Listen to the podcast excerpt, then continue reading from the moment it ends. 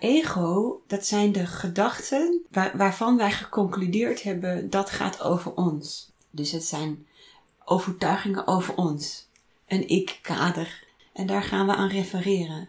Terwijl het ik-beeld dus feitelijk maar een cluster, een ballon is van allemaal gedachten over jezelf. En er is een mechanisme die dat steeds doet. Laten we dat samen ego noemen. Maar het bewustzijn is totaal iets anders. Dat is zich ook bewust van dat mechanisme wat alles met mij refereert en mij maakt. En tegelijkertijd bewust van die cluster van ideeën.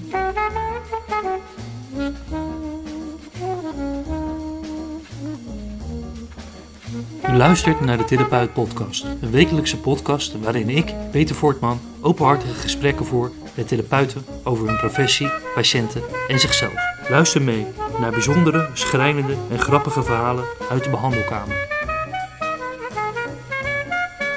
Vandaag ga ik in gesprek met Vera Helleman, schrijfster van verschillende bestsellers, trainer, coach, spreker, een zeer veelzijdig en inspirerend persoon. Een verhelderend gesprek over het ego, non-dualiteit en de rol van emoties. Luister mee.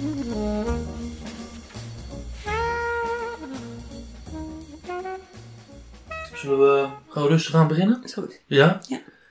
Oh, goedemorgen. Goedemorgen. ja, nou, dankjewel dat ik hier, eh, dat ik hier mag zijn. Ja. Ehm, je hebt onder andere Moeiteloos Jezelf geschreven. Mhm. Waarom is het... ehm, eh, waarom is het moeilijk jezelf zijn, terwijl je toch moeiteloos jezelf kan zijn? Mhm. Mooie vraag. Eh, ja, ik, de gros van de mensen is echt zo eh, van jongs af aan opgevoed met... Als we jong zijn, dan hebben we ons ouders nodig, bijvoorbeeld. hè. Mhm. Dus we willen ons... ehm,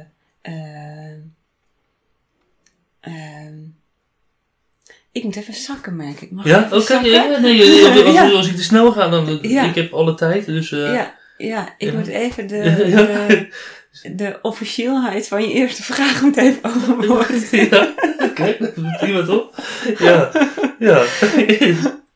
Want dan ga ik op dezelfde, dan ga ik op dezelfde officiële level en, en eh, het wil gewoon amicaal, merk ik. ja. Ja, Ja, het- het het mag gewoon. ehm, wat, wat ik Ja. eigenlijk probeer te vragen is: ehm ehm, moeiteloos jezelf zijn. ehm, ik denk dat we dat allemaal willen. Ja. Hè? En waarom, waarom doen we dat niet? ja, waarom doen we het niet? Ja. Waarom gaat dat nou niet vanzelf? Waar, waar zitten we in gevangen? Ja, Dit is het, hè? We zitten Ja. allemaal gevangen in keurslijven van sociaal aangepast gedrag. mhm. In ook keurslijven van angst. Want als ik het anders doe dan, ja, ja. meestal de angst, dan word ik niet lief gevonden. ja. Dat is ook weer sociale aanpassing. Dat is eigenlijk, als we dan eh, eh, niet per se over diagnoses hebben en angststoornissen, hè, er Mhm. zitten nog heel veel Ja. andere dingen natuurlijk. Maar gewoon doorsnee mens Mhm. zit allemaal gevangen in een sociaal aangepaste eh, gevangenis. ja. Vinden ze me nog wel lief en eh, krijg ik wel erkenning? Mhm. Val ik wel in een groep? Dat. ja. En dan kan je niet moeiteloos jezelf zijn. Want dan moet je continu aanpassen aan een ander. Dus er is een ik en een ander. Mhm. En een ik die zich moet profileren en goed in de smaak wel van dat, voor de ander. ja. Of ik heb iets van de ander nodig, waardoor ik me op een bepaalde manier moet gedragen. En moeiteloos jezelf zijn gaat vooral over eh, één in volledige afstemming komen met jezelf. En ook gaan zien dat die buitenwereld een verlengde is van jouw binnenwereld. Mhm. Waardoor je je niet per se meer hoeft aan te passen aan die buitenwereld. Maar je in interactie mag met die buitenwereld als jezelf. ja. Ja. En, ehm, want, kijk, socialisatie, dat heeft natuurlijk een, een functie. Dat, Mhm. eh, dat we met elkaar op een bepaald niveau, ja, dat we goed met elkaar om kunnen gaan, dat we elkaar kunnen vertrouwen, begrijpen. ja. Ehm, is het een streven op zich dat iedereen ehm, compleet zichzelf is? Wat mij betreft wel. Ja. Want socialisatie, je zegt het heeft een functie. Maar wanneer je in volledige afstemming met jezelf leeft, en Mhm. dat bedoel ik eh, echt op een diepe niveau, dan voel je dat je verbonden bent met iedereen. En wat wij nu doen is een sociale aanpassing op basis van regeltjes die we mentaal bedenken. Mhm. En waarmee we ons mentaal verplaatsen in een ander. Het, en dat cognitieve empathie noemen ze dat. Mhm. Maar wanneer wij verbonden zijn met onszelf en die verbinding met een ander aangaan, dan raken we, dan kunnen we ons verplaatsen in een ander op voelniveau. En dan ga je totaal anders reageren. Veel meer oprecht. En dan is er nog steeds wel sociale, ehm, nou niet sociale aanpassing zou ik zeggen. Dan is er veel meer een, een wij-gevoel in plaats van een ik ten opzichte van een ander gevoel. En dat maakt denk ik, omdat het bij de gros van de mensen dat is verloren gegaan, Mhm. dat we gaan, zijn gaan leven op sociale, mentale regels. In plaats van op echt het, ja, vanuit het hart verbinden en voelen wat daarin gewoon volledig klopt. Want, want hoe, hoe ben je goed in je, met jezelf verbonden? Of wat betekent het om... Ja. Ik denk dat je dat kunt afmeten aan het, eh, het, de beleving van jezelf Mhm. ten opzichte van hoe je je verbonden voelt aan een ander. Oké.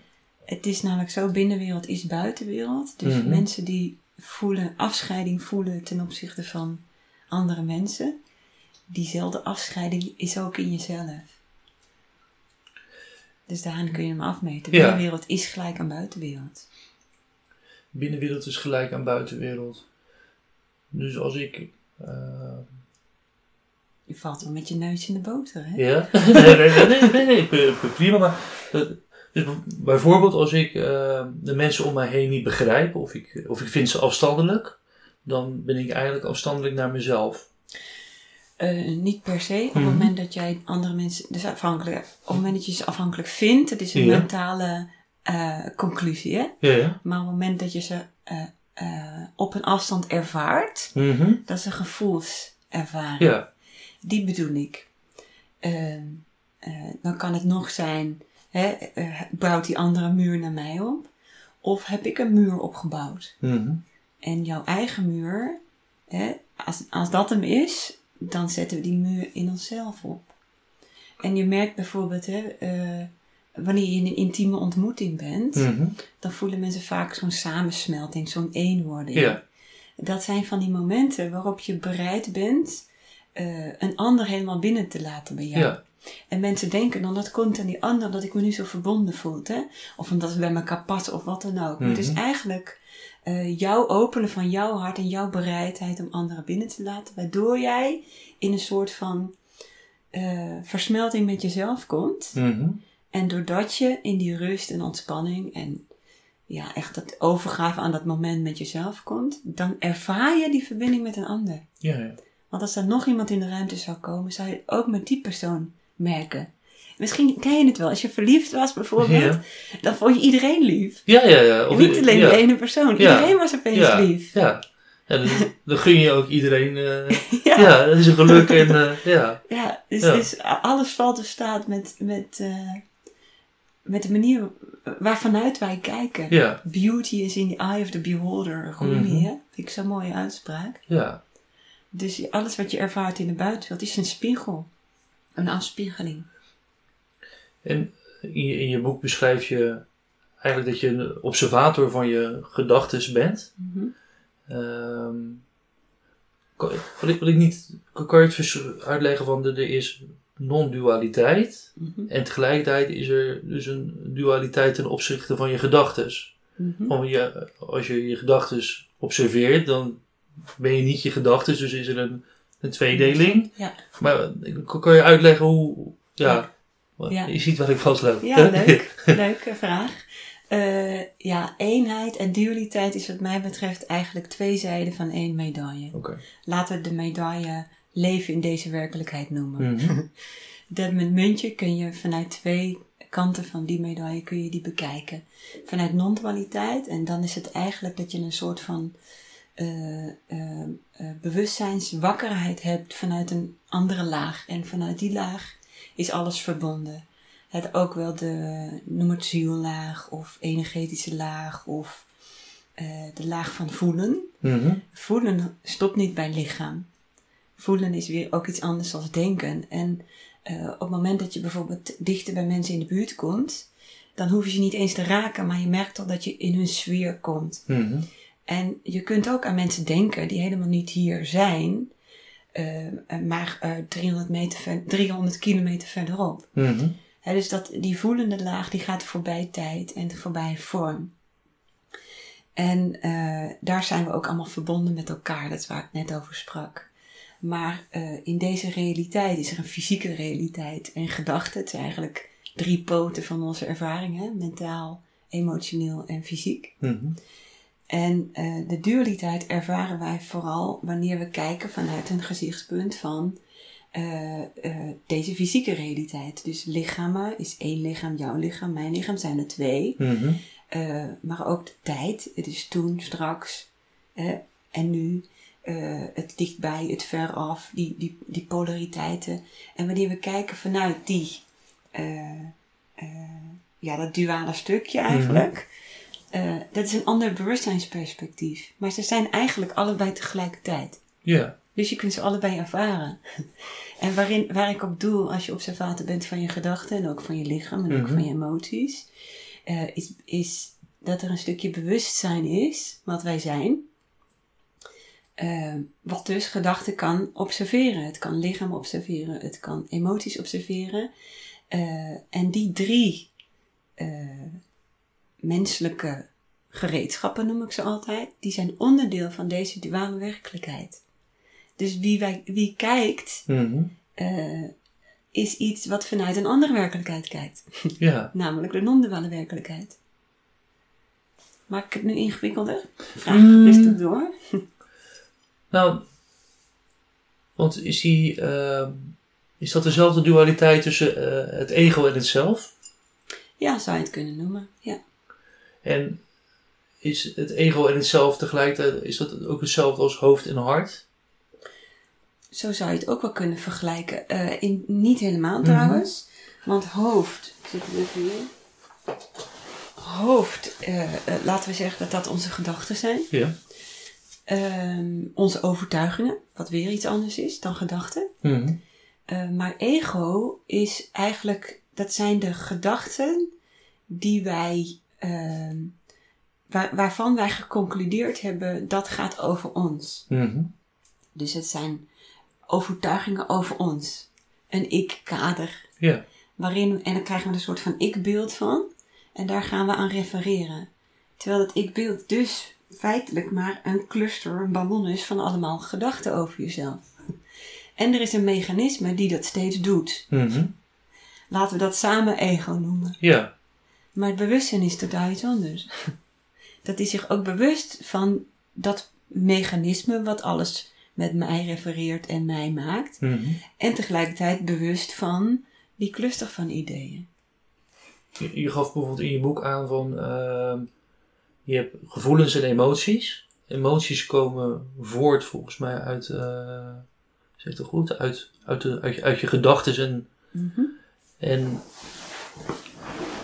hebt ook zeg maar je, je- jezelf, die is ongeveer 5%. Ge, geef, ja, ge, wat wat ik me probeer te achterhalen is van ehm, hoe kan je dan luisteren naar, naar dat zelf en voorbij het ego? Ja, ja, Hoe herken je, hoe herken je het verschil daartussen? ja. Dat is, dat is, veel mensen stellen die vragen, want die daarmee worstelen. Hè? Ja, ja. Ja, en eh, het is niet zo, zo heel eh sec Mhm. eh, eh, een grenslijn aan te Mhm. geven. Dus het is ook echt iets wat je zelf moet gaan oefenen. Ja. Ehm, emoties zie ik als feedbackmechanismes van overtuigingen. ja. En eh, emoties die eh, feedbacken daarop of zo'n overtuiging wel in lijn ligt met wie je werkelijk bent. Dus emoties zijn een soort van eh, grensgebied tussen overtuigingen en zelf of ziel of je essentie Ja. of noem het maar even op. Hè. Eh, gevoelens is puur het waarnemen met dat gevoelsgereedschap van sferen, van andermans gevoel, van, Mhm. van alles. Dus er zit geen gedachte tussen. Maar ge- zowel gedachten als emoties zijn wel waarneembaar door dat gereedschap wat we eh, ja, emotioneel noemen. Dus we hebben drie gereedschappen, mentaal, emotioneel, fysiek. En gevoelens en emoties, die worden waargenomen genomen door dat gereedschap. Intuïtie komt daar ook tussen. Mhm. En eh, eh, ja, v- 95% van de overtuigingen zijn hartstikke onbewust. Dus daar reageren we ook eh, ja, onbewust emotioneel op of vanuit onbewust gedrag. En op het moment dat wij bewuster gaan zijn van onze emoties en gevoelens, Mhm. maakt eigenlijk niet uit, als een soort van rinkelbelletjes, en we gaan daar meer naar luisteren, dan open je eigenlijk een opening in je bewustzijn voor die voelende laag. En op het moment dat je dus doorkrijgt, hé, hey, dit is, ik heb er vlak daarvoor heb ik iets gedacht, Mhm. dus dan kun je bewust worden van je overtuigingen, terwijl ze normaal onbewust zijn. Dus gevoelens kunnen wake-up calls zijn om jou bewust te maken van overtuigingen of van eh sferen of van intuïtie. Hoe dan ook, emoties, het voelend gereedschap is een brugfunctie om geest en ziel in afstemming te krijgen. En daarmee kan je dus, eh, overtuigingen zijn geen probleem hè. Mhm. Dus het is niet zo, we moeten vanuit die 5% gaan leven. Oké. Dat is niet, dat denken Nee. mensen, hè? gedachten zijn fout, overtuigingen zijn fout. Hoe kan ik nou die 5%? Maar dat is niet zo. Het is ook geen streven om daar 10% Nee. van te maken of 20%. Of... Nee, Nee. Nee, want overtuigingen zijn niet het probleem. Overtuigingen namelijk zijn ook de bouwstenen van manifestatie. Ja. Op het moment dat wij een idee hebben, dan is Mhm. het mogelijk. Alles Mhm. wat wij voor mogelijk houden is mogelijk. Dus die ideeënfabriek is prima. Dat is een super gaaf gereedschap. Maar wat wij willen is daar bewustzijn over creëren. Want het gros van de mensen gaat onbewust vanuit overtuigingen actie nemen. En op het moment dat dat overtuigingen zijn die destructief zijn voor Mhm. ons, bijvoorbeeld een overtuiging, eh, ik kan dat niet, Mhm. dus die is saboterend, die Ja. ma- houdt ons klein of hè, incapabel. En eh daar komt zo'n gedachte op als je iets wil gaan doen. En emotie zegt kramp. Mhm. En je hebt dan het bewustzijn, hé, hey, waar krampt die op? Oh, wacht eens even. Ik zou het nu niet gedaan hebben omdat ik dacht dat ik het eigenlijk niet kon. Mhm. En dan kan je bewust wat met die overtuiging doen. Dus als ik het goed begrijp, emoties laten je eigenlijk zien dat eh, je handelen niet in overeenstemming met eh, Wie je werkelijk bent. wie je werkelijk bent. Is. Precies. Dus maar daar, als er een overtuiging is van, oh, dat kan ik prima, want Mhm. ik heb het nog nooit gedaan, dus Ja. ik denk dat ik het wel kan. ja, Pippi Pipi Langkous. Ja, Eh, dus die overtuiging is helemaal geen probleem. nee. Totdat je iemand wordt die als een kamikaze-piloot overal inspringt. En dan komt er misschien een keer angst die zegt: Mhm. hé, hey, kijk nou toch eens een keer naar die overtuiging. ja, Dus Dat- ja, vanaf het, hoeven alleen maar bekeken te worden op Mhm. het moment dat ze niet meer functioneel zijn. Want, en hoe, hoe zie je dingen zoals, ehm, waar zit de rouw dan? Waar, als het wel, Mhm. als iemand overlijdt, dan, ehm, dat, hoe, waar, waar, waar zit die emotie dan? Je bedoelt in waarin Of ja, is die oprecht of is het een gevoel? ja, dat? ja, ja, van, van, van, dat, dat Ja. is geen expressie van het, ja, zoals expressie misschien van het zelf, maar dat probeert je niet iets, iets wijs te maken over je overtuigingen, denk ik. Of zie ik dat verkeerd? Zeker wel. Tenminste, rouw, daar noem je er eentje die Hmm. eh, vrij ingewikkeld is. Ja. Eh, Want de rouw heeft een heleboel facetten. Het heeft facetten van boosheid, van, van schuld voelen, van, scha- Mhm. van, eh, van eh, verdriet, van eh, niet meer weten, wanhoop. Hè? Dus het, het is eigenlijk een soort van koepelwoord van heel veel verschillende emoties. Als ik kijk naar alle type emoties, Mhm. dan heb ik ze onderverdeeld in acht verschillende emotiegroepen Mhm. die zowel positieve broertjes en zusjes als negatieve broertjes en zusjes heeft. Oftewel, Mhm. wat positief en negatief, ja, geloof ik eigenlijk Ja. niet in. Dus het heeft broertjes en zusjes die aangeven eh, hoe meer je van jezelf verwijderd bent. Of hoe dicht je bij jezelf bent. Ja, dus afhankelijk daarvan zijn er ook emotieladders. Mhm. En eh, dus de emoties die boven aan de ladder staan, dus die aangeven dat je heel dicht bij jezelf bent, zoals dankbaarheid, eh, extase, vervulling, hè, dat, zijn, dat zijn de emoties waarvan je zou zeggen: Goh, dit is echt een, een enorme inbalans eh, mens die echt functioneert vanuit zijn hart. Mhm. Terwijl emoties onderaan de ladder, zoals zelfhaat, eh, agressie, eh, ja, daar zitten flinke saboterende overtuigingen en zelfs patronen onder. Hè, dus zo is het een beetje ingedeeld. Voor de rest, elke emotiegroep geeft een bepaald levensthema weer. Mhm. En geeft ook eh, dus ook eh, aan welk thema we op dat moment in disbalans zijn. En hoe, hoe bedoel je dat met een, le- een levensthema? Ja, dus emoties eh, en levensthema's heb ik gekoppeld, omdat Mhm. emoties zijn ingeprogrammeerd bij ons. Dus die zullen ergens goed voor zijn. Die heeft die schepper ons gegeven. Ja. dus ik kijk graag naar fundamentele structuren. Hè? Mhm. Existentiële vraagstukken ook. Waarom hebben wij die emoties gekregen? Ja.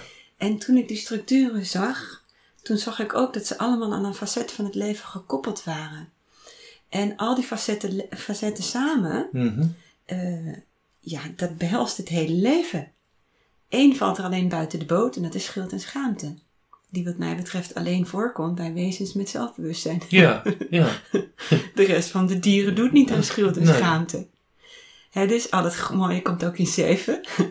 Dacht ik, wat grappig hè? Ja. Nee, verschillende levensthema's. Dus eh, levensthema's als manifestatie, als verbinding maken, als je eh, gezondheid, als eh, balans weer vinden, als in dat soort thema's. Dus echt, ja, overkoepelend. Zie je eigenlijk eh, je boek Moeiteloos Jezelf zijn als een, als een soort van een, een levenshouding? Of is het een, een therapie? Is het een oefening? Of, hoe- Ja, er zijn meer boeken. Emoties en de emotie-encyclopedie heb ik geschreven. Ja. Er is een hele coachmethode uit Mhm. voortgekomen, de emotiecoaching. Mhm. Die heeft zijn grondslag in de non-dualiteit. En moeiteloos jezelf zijn gaat voornamelijk over non-dualiteit. Mhm. En hoe je vanuit het duale denken, Mhm. de ego-denken, de sprong kan maken naar het non-duale eh, beleven eigenlijk. Dus het is echt een uitleg van eh, hoe werkt eigenlijk dat identificeren, hoe werkt, dat, hoe werkt afgescheidenheid en hoe kan je daaruit ja, bevrijd worden eigenlijk. En de, de emotiecoaching is, heeft, zijn, heeft zijn grondslag in non-dualiteit. Mhm. Maar die heeft er een structuur omheen gemaakt. Die gewoon eh, ook voor mensen die non-dualiteit niet begrijpen. Mhm. gewoon eh, praktisch toepasbaar is. En je ook helpt bewegen in deze duale werkelijkheid. Ja. Die helemaal geen probleem is, die hartstikke leuk is overigens. ja, want, ehm, zou het kunnen werken dat iedereen eh, volledig bewust leeft? Oh. Zou het lukken? Zou, zou, of Want bedoel de- je echt, de- zou het werken? Zou het werken, ja. Of, of eh, Ja, ja? tuurlijk zou het werken. Het zou super tof zijn. Eh, en waar moeten we dan afscheid, waar zouden we dan afscheid van nemen? Van ehm, manipulatie, Mhm. van, eh, ook dat kan nog wel voorkomen overigens. Waar zouden we afscheid van nemen? Van, ehm, van het kapot maken van de wereld, want dat Mhm. klopt niet. Mhm. Er zijn een heleboel dingen die non-duaal niet, niet, niet matchen, zeg maar. Dus als wij echt synchroon zouden leven op ons innerlijk, zouden we niet ons eigen leefklimaat kapot maken. We zouden niet bewust anderen schaden. Mhm. Wij zouden niet meer de hele dag bezig zijn met piekeren en onszelf onderdrukken, saboteren en klein maken. Mhm. Ook niet anderen klein maken. Het zou klaar zijn met schuld en schaamte en haat en dat soort dingen. Maar wat wel kan is eh, eh, dat nog wel alle facetten van het mens zijn geleefd willen worden. Maar je denkt bijvoorbeeld, kijk, als we kijken hoe, de- de- hoe het leven nu is ingericht, dan eh, heb je ehm, politici en eh, je zegt nou, manipuleren dat stopt. Eh, in sommige functies, eh, niet dat ik heel erg zwartgallig over politici ben, hoor, helemaal- niet eigenlijk, maar op sommige niveaus moet je manipuleren en soms is het ook een soort van. ja, is het de, helaas de winst van de een het verlies van de ander tot een zekere hoogte. Ehm, denk je wel dat er een wereld mogelijk is waarin. Ik denk het wel, maar de winst van de een, verlies van de ander zouden wij niet meer ervaren als verlies. Oké.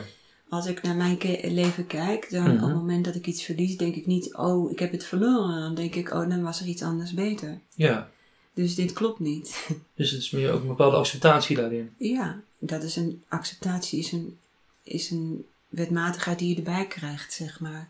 Dus je ervaart het niet Mhm. meer als verliezen, want er is een verliezen van iets waarvan je dacht dat je het nodig had. Maar Mhm. het bleek dat het niet nodig was, Ja. want anders kreeg je het wel. Ja. En, ehm, maar eh, je zegt ook soms is manipuleren nodig. Dat denk ik niet. Mhm. Ehm, Want men gaat er nu vanuit, met, met, als je het hebt over poli- politiek en media en manipulatie, Ja. dat het gros van de mens niet bewust genoeg is, of niet verstandig of verantwoordelijk of slim genoeg is om Mhm. bepaalde dingen te begrijpen. Ja. Maar wat er gebeurt is, we, onze maatschappij is gebaseerd op regels die niet allemaal natuurwetmatig logisch zijn. Mhm. Natuurwetten, als er maar één uitzondering op een regel is, dan is het geen natuurwet. Nee. En er zijn grote regels, tegenregels, die niet in overeenstemming zijn met natuurwetten. Mhm. Dus op het moment dat wij natuurwetten zouden volgen, zouden er een heleboel regels niet kloppen. Zouden er ook een heleboel manieren van nu politiek bedrijven niet meer kloppen. Mhm. Maar zou het ook niet meer nodig zijn op deze manier? Ja. Omdat het veel organischer gaat. In de dierenwereld heb je dat ook niet nodig, maar het gaat hartstikke Mhm. natuurlijk. En het systeem klopt. Die, die dieren overleven. Maar is er dan nog wel een bepaalde eh, competentie of eh, competitie of in zekere zin is, com- is competitie ook goed? Of het, eh, Ja, maar je, je, je, zoals ik je hoor zeggen, is het competitie ten opzichte van een ander. En de competitie Mhm. die ik ervaar in Ja. mijn leven is, is eh, ik voel de, de, eh, de, de drang om mezelf te verbeteren. ja, ja. Om nog meer potentieel te gebruiken, om nog Mhm. meer menselijke kwaliteiten te ontwikkelen, om nog meer uit het leven te halen. Die, die levenspassie. Mhm. Maar ik hoef daar niet per se beter te zijn dan een ander. Nee, nee. Dat stukje ander ik verdwijnt. Oké. en en lu- lukt dat je? Ja, en als we een spelletje doen, is die competitie er weer wel. Ja. Maar dan is het fun. Ja, ja, ja. ja. Snap je? Dus in die manier kan die wel blijven. Mhm. Eh, maar niet om per se, snap je? Omdat het het spel is Ja. om. Eh, ja, ik, ik zie niet concurrentie of eh, beter moeten zijn dan. Nee. Waarom zou ik beter moeten zijn dan een ander? Of willen zijn? Dat komt misschien voort uit onzekerheid of zo. Ja. Of, Nou, maar kijk, bijvoorbeeld bij- als je ook kijkt naar sport, als je Mhm. eh, de 100 meter schaatsen wil winnen of de eh, hardlopen, dan dan, kan ik een doel stellen. Vind ik leuk Ja. om de 150 meter te, te, te, te racen. ja, Als een soort van prestatie. Ja. ja, Ja. Maar dat zou wel mijn race zijn. ja. En niet per se, ik moet beter dan anderen als ik niet het. beter ben. Nou ben ik niks meer waard. Nee. ja, ja. Dat is een soort van Ja, zelfwaarde halen uit Hm. prestaties. En Ja. die zelfwaarde zit daar niet. Nee, nee, nee. Die hoeft daar niet te liggen, laat ik het zo zeggen. Oké. Ik weet wat mijn, wat, wat mijn kwaliteit is. Ik weet waar ik voor ben. Mhm. Ik doe dat volledig. Daarin is geen concurrentie. Ik hoef daarin niet beter te zijn, want ik heb daar een unieke rol in. Net als Mhm. iedereen. Ja. en, en, en dat lukt jou gewoon in het dagelijks leven. Is, is, is dat een, iets waar je jezelf aan moet herinneren? Of is dat gewoon een, natuurlijk iets geworden? Ja, dat is wel echt heel erg inge... Ja? Weet je waarom? Op een gegeven moment ga je merken dat iedere keer wanneer je op een andere, in die andere laag eh, gaat denken en je, en je verzandt in beter, meer eh, en eh, ja, dat soort, dan word je Mhm. onrustig. Mhm. En eh, dus er is een, voor mij een continu bewustzijn op mijn gevoelssignalering. En op het Mhm. moment dat ik in onrust schiet, daar kies ik niet voor. Nee. Dus het geeft veel meer rust en veel meer voldoening en ook liefdevolle overstromen op het moment dat je die gelijkwaardigheid opzoekt en het uniciteit zien van iedereen en het, dan dat je gaat wedijveren. En op het moment, zelfs als ik dat bij mijn kinderen opmerk en ik voel hem elke millimeter, en dan zit ik daar gelijk bovenop als in, bijvoorbeeld als ze hun gelijk willen hebben, wil je gelijk of wil je geluk, zeg ik. Ja. Of word je hier nou echt blij van? Ja. Of als er dan vriendinnetjes, ja, mijn dochter zijn, die was, die was een jaar of acht of zo. Dus ja, en dan moest ik kiezen welke ik mooier vond of, of wie ik beter vond van de vriendinnetjes. Maar, Ja. maar dan moest ik het ook ergens mee vergelijken en ik wist niet waarmee ik het moest vergelijken. Dat vond ik zo'n wijze uitspraak. Mhm. Zo van, ja, die is mooi, die is ook Ja. mooi, maar die is anders mooi. En dan kan ik wel zeggen wie ik mooier vind, maar als jij die mooi vindt, dan vind jij die gewoon toch mooier. Dan maakt het toch niet uit of ik het mooier vind. het is een soort van bewust worden. ja. Ja. En, en, en waar zit dan de, ehm, de, de, de,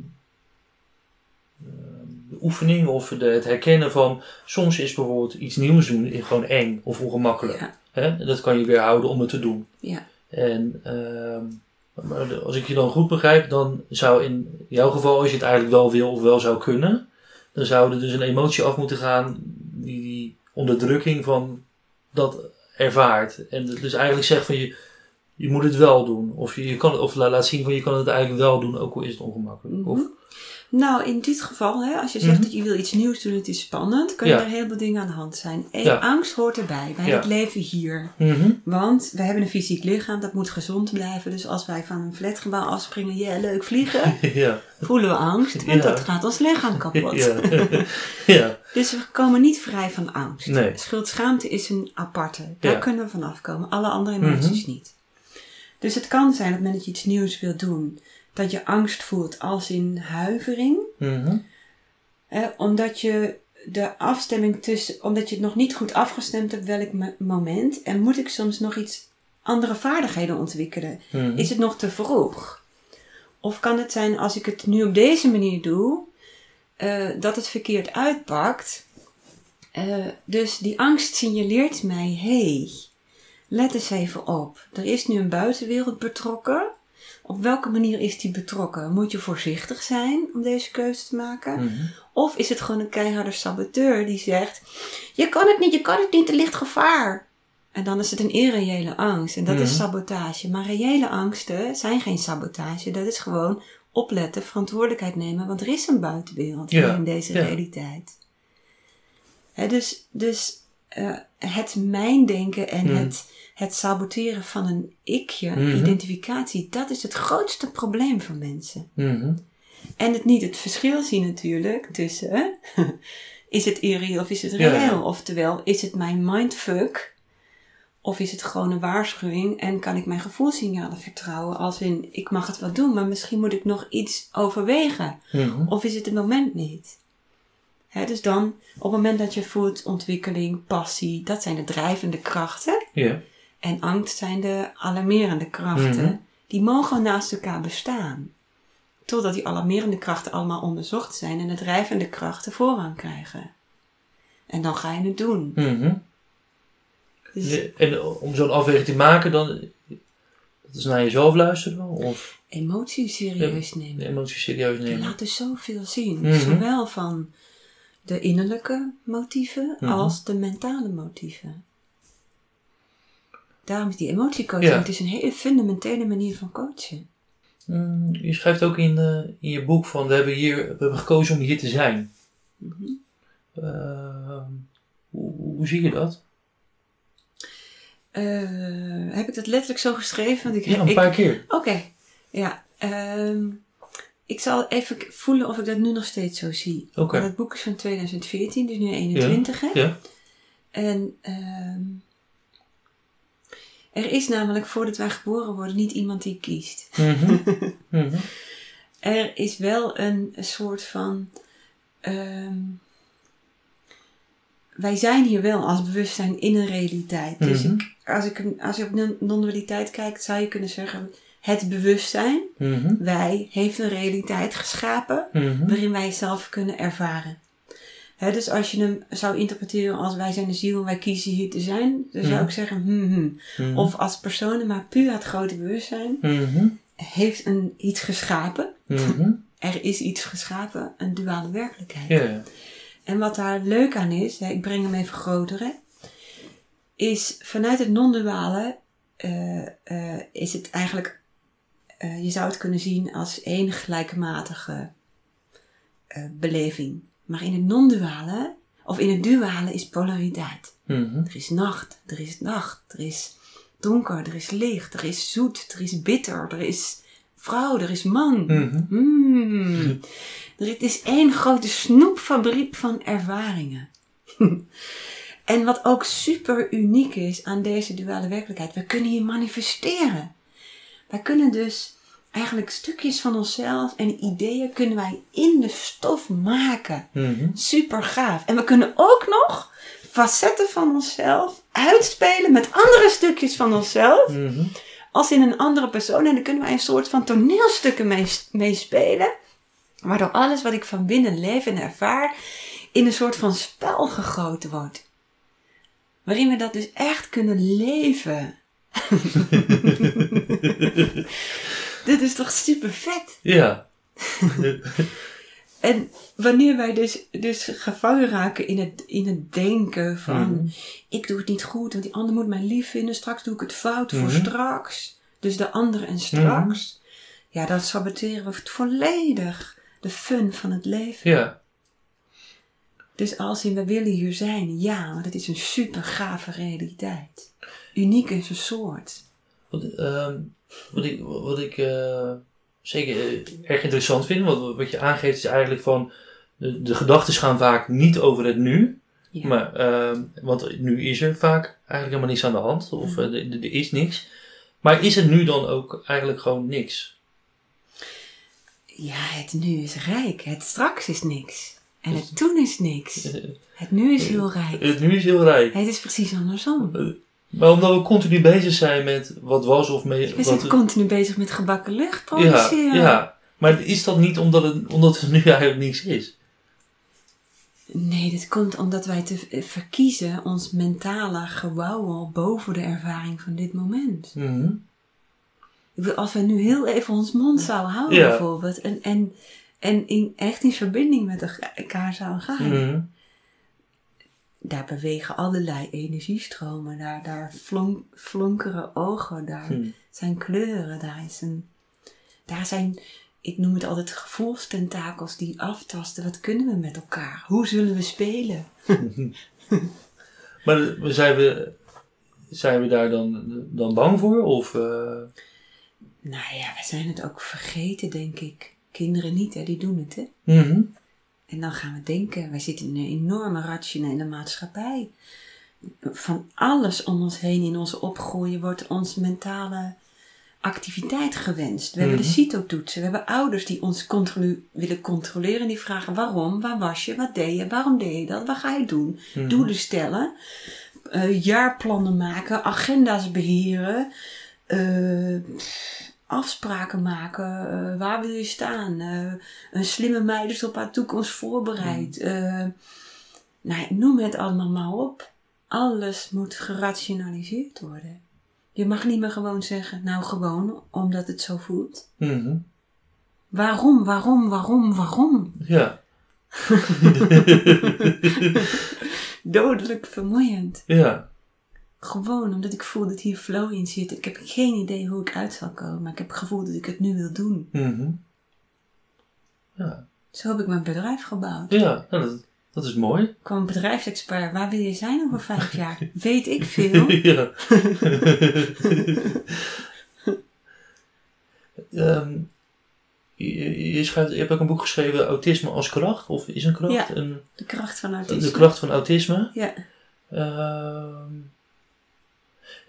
en als ik het goed begrijp, zeg je eigenlijk van eh, mensen met, eh, met autisme zijn eigenlijk beter in staat of zijn makkelijker geprogrammeerd of om eh, in het nu te zijn. Of, begrijp ik dat Mensen goed? met autisme inderdaad zijn makkelijker. Waarom? Mhm. Omdat daar geen ik-referentiepunt is. Mhm. Dus dat ik-concept, waar de gros van de mensen aan refereren, Mhm. dat is een idee-concept waar, wat we enorm mee in versmolten zijn. Met ons voelen, denken, zijn, alles. eh, zit- en dat concept verplaatsen we naar de toekomst toe. Waardoor we doelen kunnen stellen, waardoor we prognoses kunnen maken, waardoor wij continu in die mindfabriek zitten.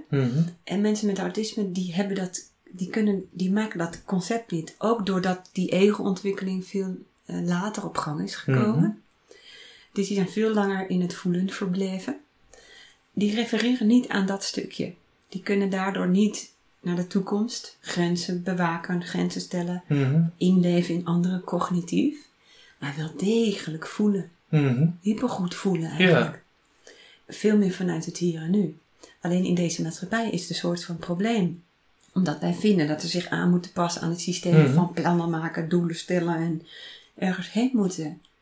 Terwijl deze manier van leven vanuit het hier en nu, die kan wel degelijk. En daar kun je wel degelijk dus ook succesvol in worden. Ik ben een voorbeeld. Eh, alleen je moet het niet willen doen op een neurotypische manier. Ja. dus die eh, mensen met autisme hebben eigenlijk minder een constellatie van een, van een, van, van een ik. Van een ik wel. Het probleem daar weer is meer, Mhm. is dat er een enorm gefocuste brein is. Kan Mhm. heel goed focussen. Mhm. En dat is bij iedereen. Wij hebben de, de capaciteit tot een brandpunt maken. Daarmee eh, nemen we gedachten serieus, worden conclusies, maar daarmee kunnen we ook manifesteren. Ja. Maar een autistisch brein kan heel goed focussen en brandpunten zetten. Maakt allerlei brandpunten, Hm. maar houdt daar ook heel stevig aan vast. Is een kwaliteit, want Mhm. daarmee kun je dus heel goed manifesteren Mhm. en nieuwe ideeën, dieper uitdenken, structuren maken.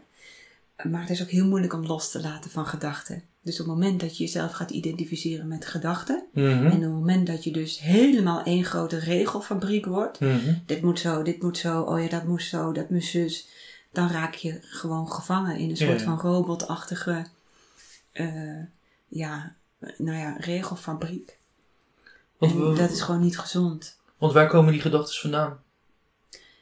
Nou, kijk maar eens waar ze vandaan komen. Ze- Mhm. Ze komen helemaal nergens vandaan. Ze ploppen op en we Ja. associëren door. Ja. Ooit ingegoten en serieus genomen. Mhm. Maar een gedachte aan zich is gewoon helemaal blanco. Het is niets. Het plopt Mhm. op uit het niets. Hij wordt pas, krijgt pas lading op het moment dat wij hem serieus nemen. Dus wij vangen hem. Oh, er kwam er een voorbij. Die vang ik. Maar als je kijkt naar gedachten, dan Mhm. komen er 60 tot 80.000 voorbij per Ja. dag. Wij nemen ze niet allemaal serieus. Ze zijn Mhm. zeer selectief. En ook zeker niet consistent. Want als we met ons linkerbeen uit bed, been uit bed stappen, dan zijn we een stuk pessimistischer. Mhm. Dus dan pakken we de zwartgallige gedachten. Zijn we verliefd, dan pakken we de roze gedachten. We zijn absoluut niet consistent in ons brein. Dus in principe zijn ehm, die stroom van gedachten is hetzelfde, alleen de selectie daaruit die je neemt is aan de hand van hoe je je voelt. Of, eh, Ja, die stroom van gedachten is eigenlijk denk ik veel grenzelozer bij autisten. mhm. Maar op het moment dat je ze pakt, pak je ze ook echt. Ja, ja. Wat, ik- wat je dus merkt in de opvoeding van autistische kinderen is Mhm. dat je moeilijk iets tussen die oren krijgt. Mhm. Maar zit het er eenmaal tussen, krijg je het er nooit meer vandaan. ja. dus dat betekent heel wakker zijn in je opvoeding. ja. Ja. maar het liefst willen we daar een opening houden voor creativiteit.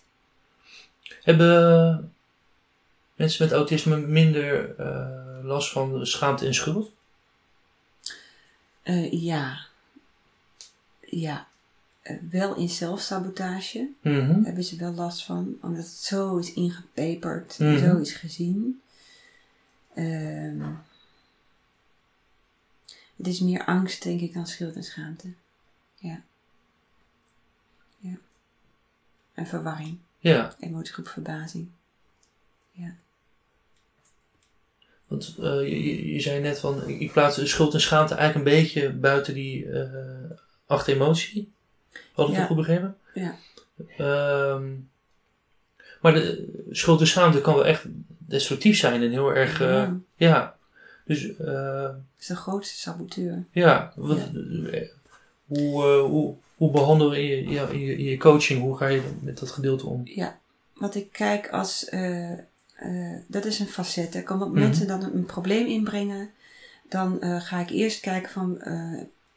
waar zit de crux van het probleem? Mhm. Dan zoom ik op in.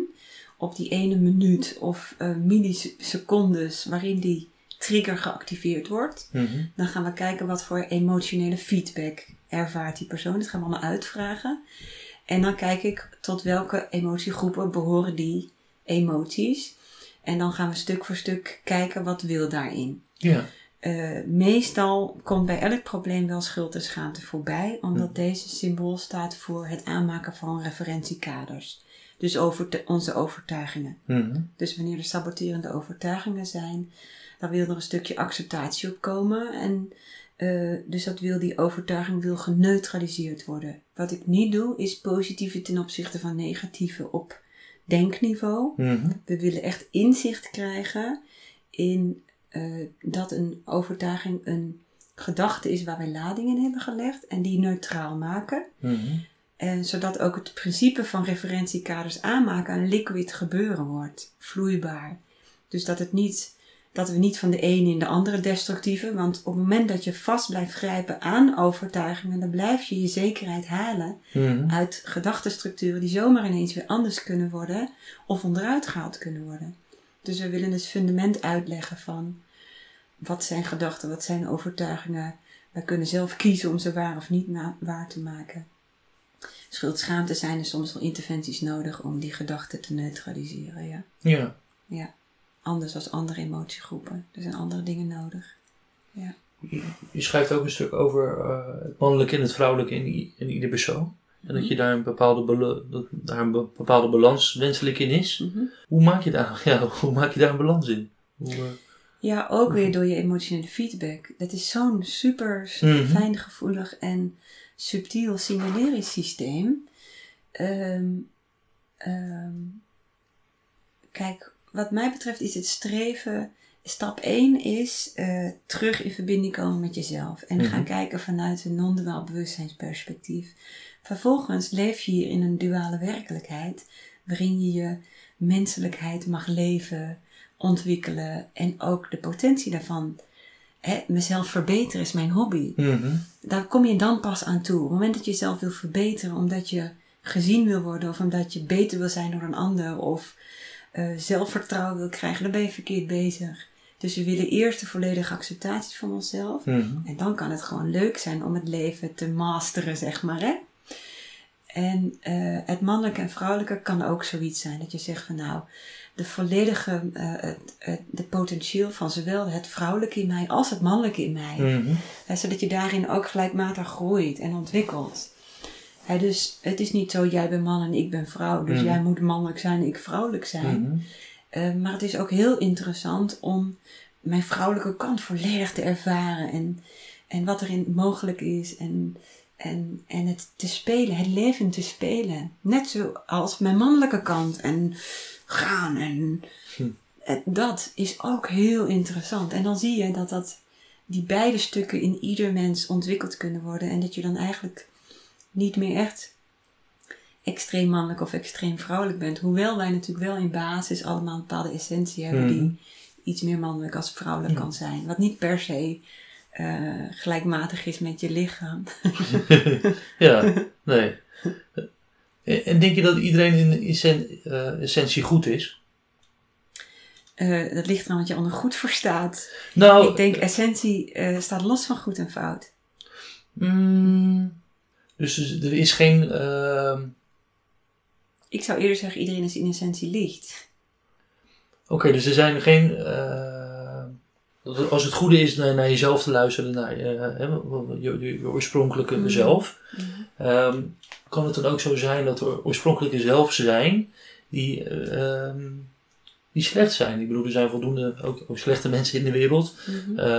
Daar kan je een nature-nurture ding Mhm. over houden, maar Ja. denk je dat in de, of is dat, zijn dat gewoon eh, de krachten in het, in het leven die ehm voldoe je dan, zijn er mensen die, die eigenlijk die kwaad moeten zijn? Of, eh, Mhm.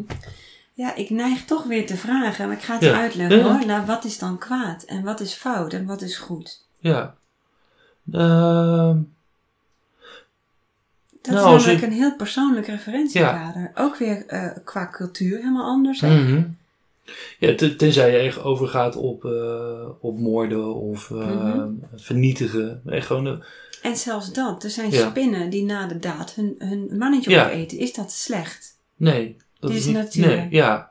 Maar oké, dus dan, Dus de benoeming van goed Ja. en fout, die klopt niet. oké. Als we gaan kijken van hoe zou het dan voor kunnen Mhm. komen dat er daders en slachtoffers Mhm. nog zijn in de wereld, dat kan. Ja. Want eh, stel je voor, eh, ik zit in non-acceptatie over ehm, duistere zijde. Ik noem maar even. Mhm. Ik zit in non-acceptatie over boosheid. Ja. Er mag niets in mij, mag, wat er maar iets riekt naar boos, mag het licht zien. Of Mhm. mag ik uiten of zijn. Of, Mhm. En dat druk ik in de doos, stop ik in die doos van Pandora. Omdat eh, boosheid een broertje is van kracht, stop ik daar kracht ook maar gelijk in. Mhm. Dus, maar daar ont- ontken ik een menselijk stukje van mezelf. Omdat Mhm. ik hem interpreteer als boos en boos is fout. Mhm. Dus die gaat in die doos van Pandora. Daar moet ik behoorlijk wat lading op leggen. Want die kracht, die wil gebruikt worden in ons. Zij het positief. Dus er komt heel veel lading in die doos te zitten. Dus allemaal met de focus Kracht is fout, boos is fout, agressie is fout, kracht is fout, macht is fout. Hè? Eh, eh, maar ook broertje en zusjes, daadkracht is fout, passie is fout. Dus ook seks is fout. Dus alles in die doos. Dus energetisch gezien Mhm. zit er in deze persoon enorm groot energetisch vat van alles wat te maken heeft met kracht, passie, doe-energie, manifestatiekracht, boos. Wat gaat er dan gebeuren? Die energie gaat hem gemanifesteerd worden in de buitenwereld. Mhm. Dus dan is iemand die ogenschijnlijk krachteloos, eh, lief, volgzaam, want alles wat dat mag niet hè, Mhm. zwak, zachte handen, eh weinig ruggengraat. Dat, zo'n verpersoonlijking komt agressie tegen. Mhm. En wordt slachtoffer van agressie. Waarom? In de binnenwereld zit die enorme doos van Pandora enorm veel lading op. Aan de andere kant kan het dus zijn dat iemand die van nature een enorme krachtige energie is, Mhm. eh, voelt dat er iets moet gebeuren in contact met deze persoon. Die daders zijn, zijn vaak typetjes die hun zachte kant onderdrukken niet mag zijn. Want die moesten stoer zijn en krachtig zijn. Altijd. Huilen mag niet. Zwak mag niet. Stoer, groot, dapper. Laten zien wat je kan. Wow. En die zien ineens in de buitenwereld een verpersoonlijking van dat wat absoluut niet mag. Namelijk Mhm. zwak, volgzaam, zacht, weinig ruggengraat. En die willen dat wel doen, want dat mag niet zijn. En zo ontmoeten die krachten elkaar. Mhm. Dus zolang wij nog eh, onderverdelen in goed en fout en daarmee onderdrukken in ons eigen systeem, zal dat zich uiten in de wereld. Dus op het moment dat we dat niet meer onderdrukken, kan het op een gezonde manier geleefd worden. Mhm.